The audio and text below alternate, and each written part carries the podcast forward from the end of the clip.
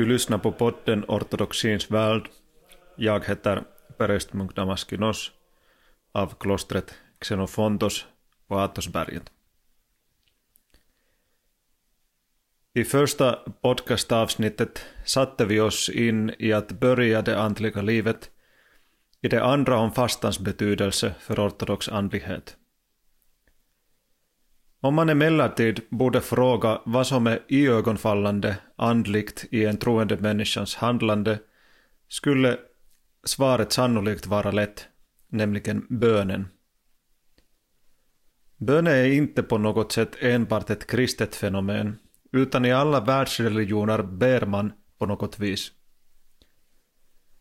I ortodox kristenhet har man en tämligen annorlunda uppfattning om bönen även jämfört med många andra kristna kyrkosamfund. Uppmaningen att be oavlåtligen härstammar redan från aposteln Paulus. Ortodoxa kristna ber inte enbart i långa gudstjänster utan även i dagliga böneregler som de läser i hemmets ro. Hos oss i klostret är dessa böneregler såväl som gudstjänsterna ofta längre än för dem som lever i en församling. Fast bönen är huvudsysslan för oss munkar är själva bönens natur likadan oberoende av om man är lekman eller om man lever i ett kloster. Vad än det egna sättet att leva är, eller den egna livssituationen, sträva varje kristen efter att bönen skulle bli oavlåtlig och att den ska fylla hela det egna livet och hela den egna vardagen. Bönen är naturligtvis även ett av de största teman i ortodox andlig litteratur och det är bra att närma sig den genom kyrkofädernas undervisning. I detta avsnitt ska jag tala om det mest berömda verket av Evagrios som levde på 300-talet, om bönen. Det finns i den första delen av en antologi som kallas Filokalia. Munken Evagrios verk består av 153 korta avsnitt och i varje avsnitt uttrycks en egen självständig tanke. De berättar inte enbart om bönen utan även om många andra drag i ortodox andlighet. Detta verk och dess efterverkan blev så betydelsefullt i östlig teologi att man kan anse att Evagrios var den första stora läraren i bön, vars undervisning spreds och var betydelsefull i den hela östliga kyrkan. Verket översattes ganska snart till alla viktiga språk i den östliga kyrkligheten, till arabiska, syriska, armeniska, georgiska och till gez som talades i Etiopien.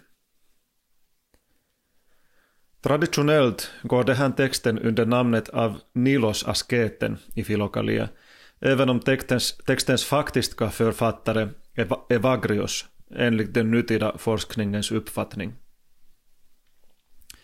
Detta beror på att den ortodoxa kyrkan i själva verket på 500-talet förklarat Evagrius som heretisk i efterhand på grund av några andra drag i hans undervisning och därför kändes det främmande att ha en text av någon heretiker i antologin Filokalia.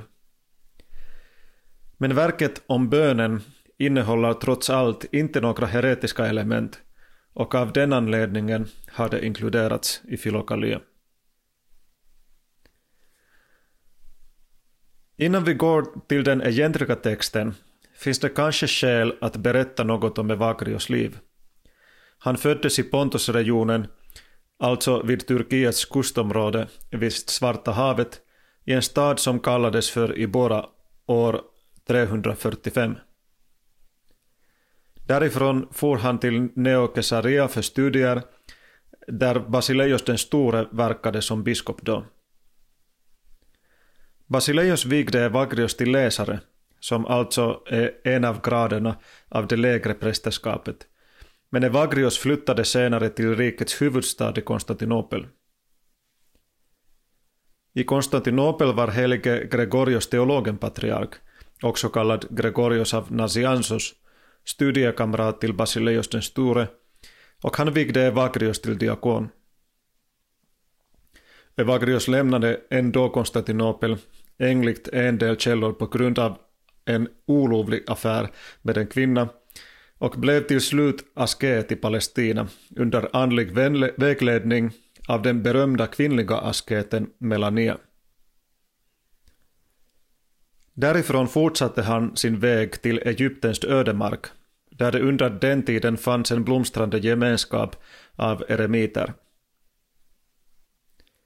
Evagrius blev en berömd asket som var känd för sin stränga livsstil. Han fastade så mycket att andra asketer till och med kritiserade honom för att gå till ytterligheter.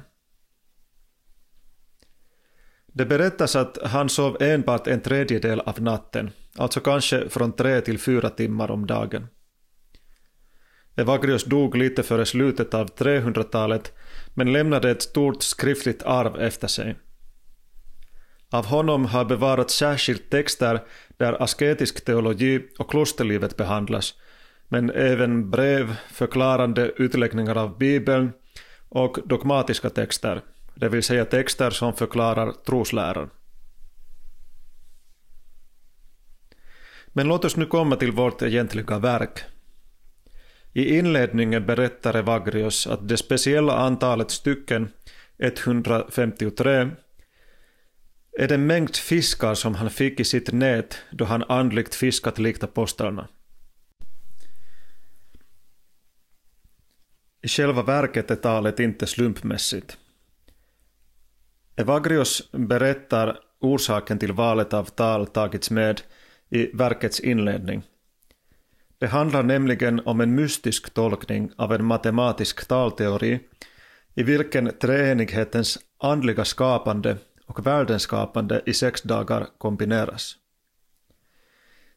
Med i talet ryms även de fyra huvuddygderna som utgör ett av huvuddragen i Evagrios undervisning samt tidens kretslopp i världen. Men vi fördjupar oss inte djupare i den här komplicerade matematiska konstruktionen utan går in i det första egentliga stycket. Evagrios börjar. Enligt Mose lag tillverkas en väldoftande rökelse genom att blanda samman renrökelse, doftkåda, snäckskal och doftgummi, lika mycket av varje sort. Detta är dygdernas fyrklöver.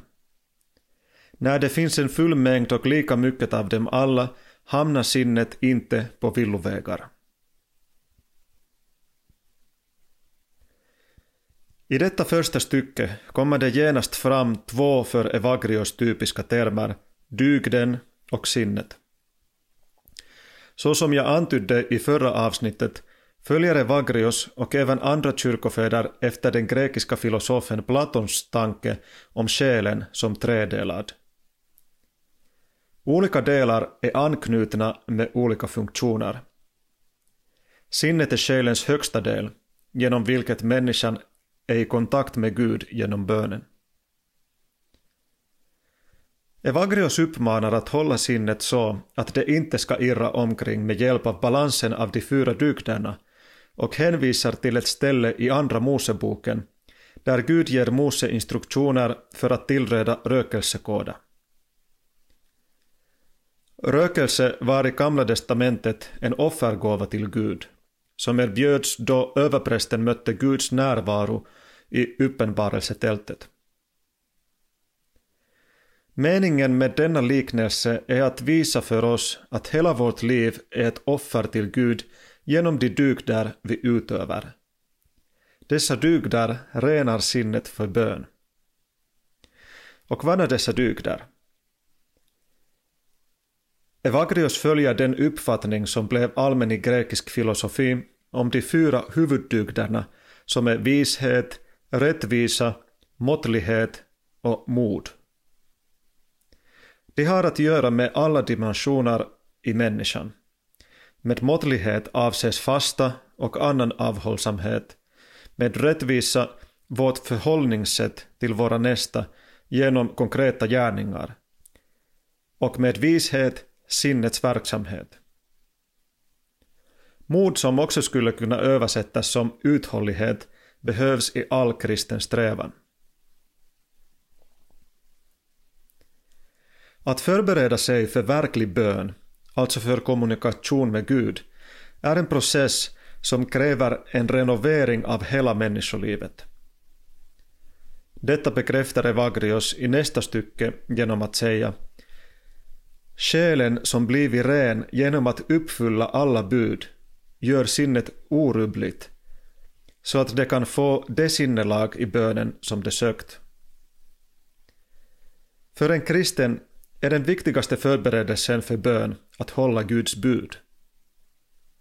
Dessa bud är den etiska undervisning som vi hittar i Bibeln. Vi älskar vår nästa så som oss själva, vi fastar, ger av vårt eget åt de fattiga, vi besöker de sjuka och dem som lider. Detta utövande av dygder renar själens lägre delar, alltså begärsjälen och affektsjälen. Till slut betyder denna rening av hela själen, alltså reningen av alla människans funktioner, att när jag börjar be eh, kommer jag inför Gud som en hel människa. Här är jag. Jag erbjuder dig hela mitt liv som offer. När jag äter tackar jag dig för näring. När jag sover tackar jag dig för vila och när jag vaknar tackar jag dig för en ny dag. När jag hjälper min nästa som lider tackar jag för möjligheten att möta din avbild i den andra människan. Bön är inte att nu och då småprata med Gud, vilket ändå inte skulle leda till någon sorts livsförändring. Även denna livsförändring kan ses som en tillämpning av apostel Paulus uppmaning att be oavlåtligen. Alla de gärningar jag gör, gör jag till Guds ära, för bönen är inte enbart tar, tal i ord. Evagrius fortsätter.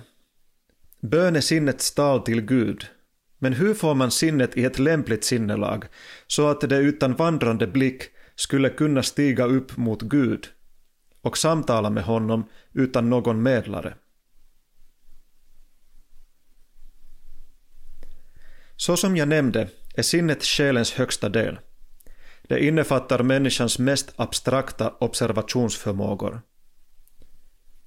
Den mest ofattbara av dessa förmågor är att varse bli Gud, andligt skådande, vilket sker precis genom sinnet. Men vad är då de skiljemän som Evagrios syftar på och som man borde bli av med, alltså medlare? Sådana är alla saker i sinnevärlden, slutligen även själva orden i bönen. Äkta, ren bön är nämligen att förnimma Gud bortom orden. Många kyrkofäder beskriver denna erfarenhet som att se strålarna av Guds oskapade ljus. Man måste alltså få sinnet att gentemot allt som det förnimmer låta bli att med vandrade blick se sig omkring. Dess fokus bör vara på Gud. Vi vet kanske säkert alla av vår egen erfarenhet att det är utmanande att fullständigt koncentrera sig i bön. Vi tänker på våra egna saker, lägger märke till ljuden omkring. Om vi är i kyrkan i en gudstjänst där börjar blicken vandra mot andra kyrkobesökares kläder. Öronen lyssnar på gråten av ett barn bredvid. Dessa olika sinnesförnimmelser ger upphov till tankar för, hos oss. Varför har personen bredvid mig på sig sådana kläder i kyrkan? Varför tystar modern inte det gråtande barnet eller tar ut barnet ur kyrkobyggnaden? Många tankar börjar plåga sinnet.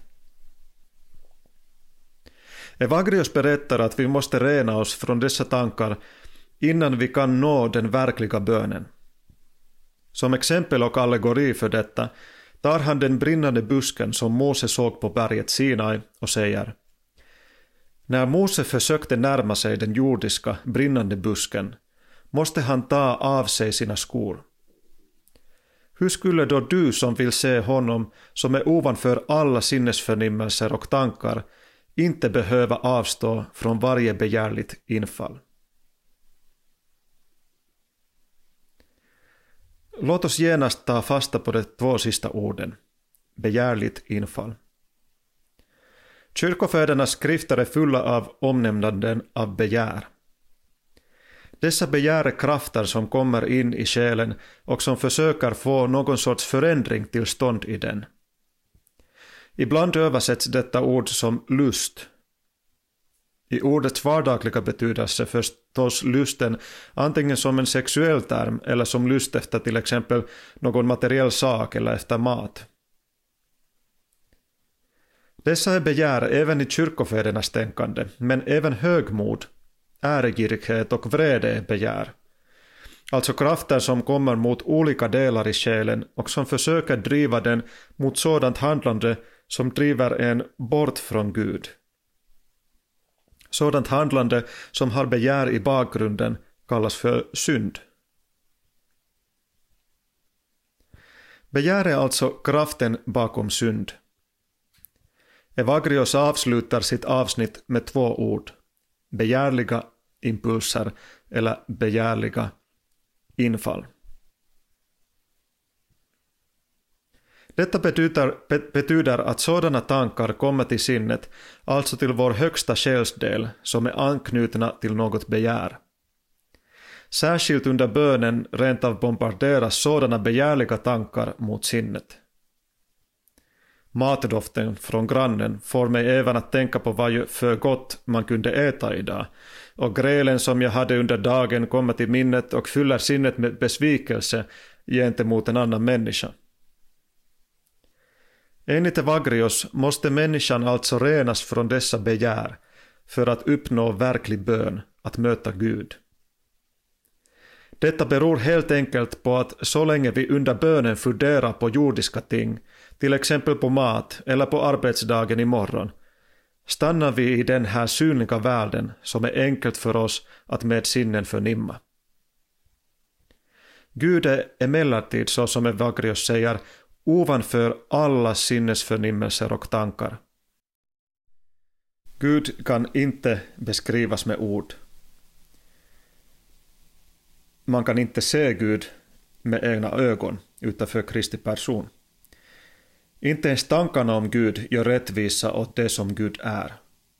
Att gå hit, bortom ord, tankar och sinnen, är verklig bön.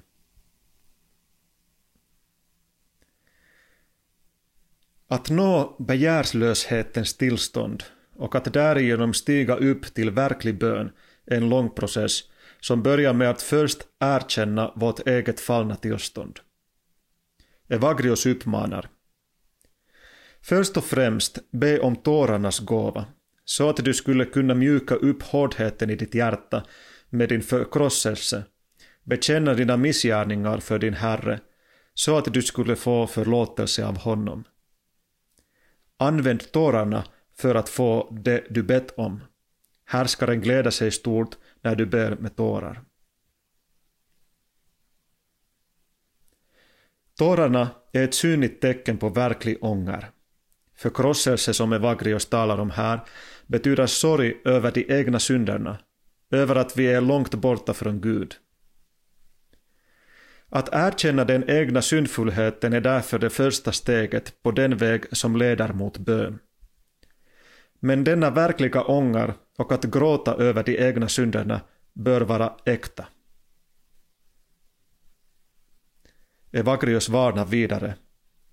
När strömmar av tårar gör dina ögon omtöcknade medan du ber, bli inte uppblåst på grund av det, som om du hade stigit högre än andra. Du har fått hjälp i din bön från ovan, så att du villigt skulle kunna bekänna dina synder och blidka härskaren med dina tårar. Gör inte till ett begär det vars syfte är att utplåna begären, så att du inte ännu mer skulle förarga honom som har skänkt dig nåd. Många, medan de gråtit, har glömt tårarnas mening, blivit utom sig och gått vilse. Meningen med tårarna är att åstadkomma en känsla av ångar i människan, inte att påvisa för andra hur stora botgörare vi är. När vi gråter över synder är vi på tumman hand med Gud. Det är intressant även att Evagrios säger att tårarna är en hjälp som skänkts ovanifrån för bönen. Tårar och ångar är alltså slutligen Guds gåva åt människan. Om vi börjar tänka att tårarna eller ens vår egen ångar är rent och enbart vår egen prestation har vi tagit fel och vikit från den rätta vägen. Det handlar om samarbete med Gud. Gud skänker ångan, men vi själva bör ångra oss och utöva självrannsakan.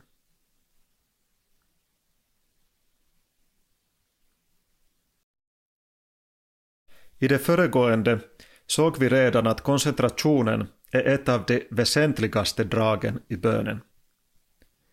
Evagrios påminner vidare. Stå tålmodigt och be orubbligt och avvärj på det sättet jordiska bekymmer och allt slags tankarnas anfall. De förvillar och chockerar dig för att få dig att släppa bönen.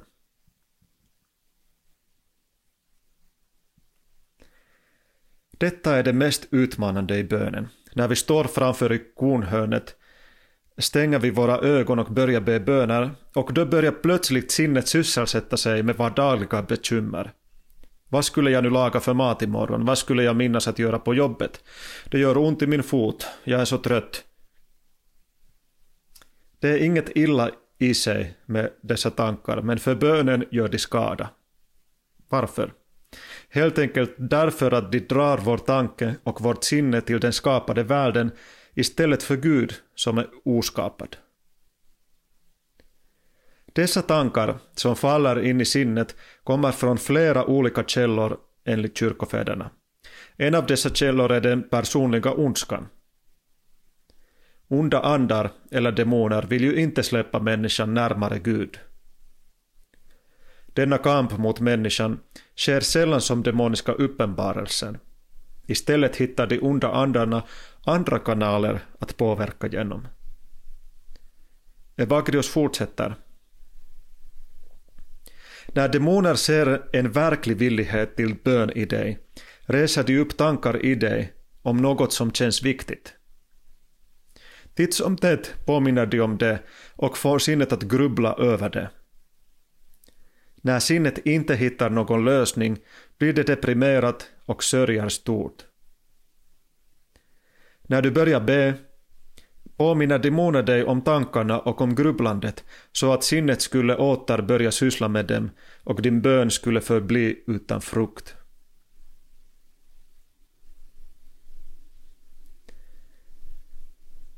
Här visar Evagrios på att demoner inte bombarderar människosinnet med bekymmer enbart under bönens stund, utan även utanför den stunden.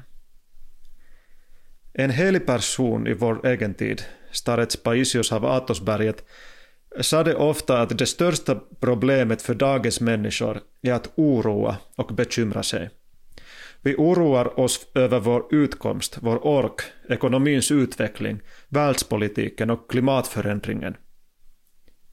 Återigen är det inte fråga om några onda eller dåliga saker och var och en behöver nog göra arbete för allt detta.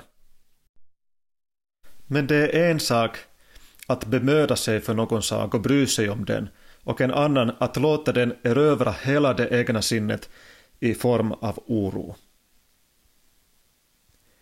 Särskilt i dessa stora orosmoment lurar faran av en existentiell kris.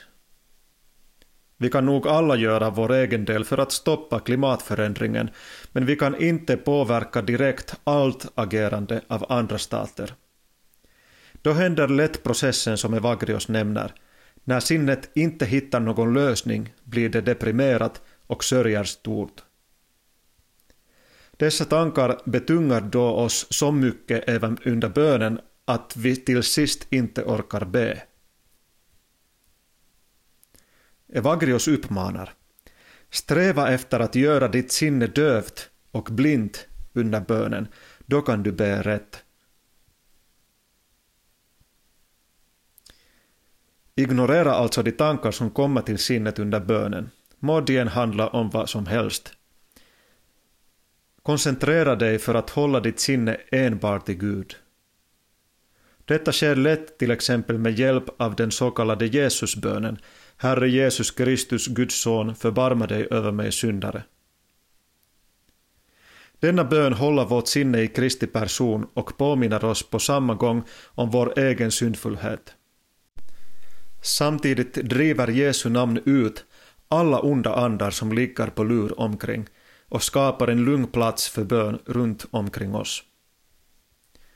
Fast vi strävar efter att i bön möta Gud ovanför alla sinnen och hela den värld som kan förnimmas med sinnen, betyder detta inte att bönen skulle vara ett fenomen helt skilt från livet i denna sinnevärld. Redan i början märkte vi att det att börja be kräver utövande av dygder. På motsvarande sätt leder ett gott böneliv till ett dygdigt liv.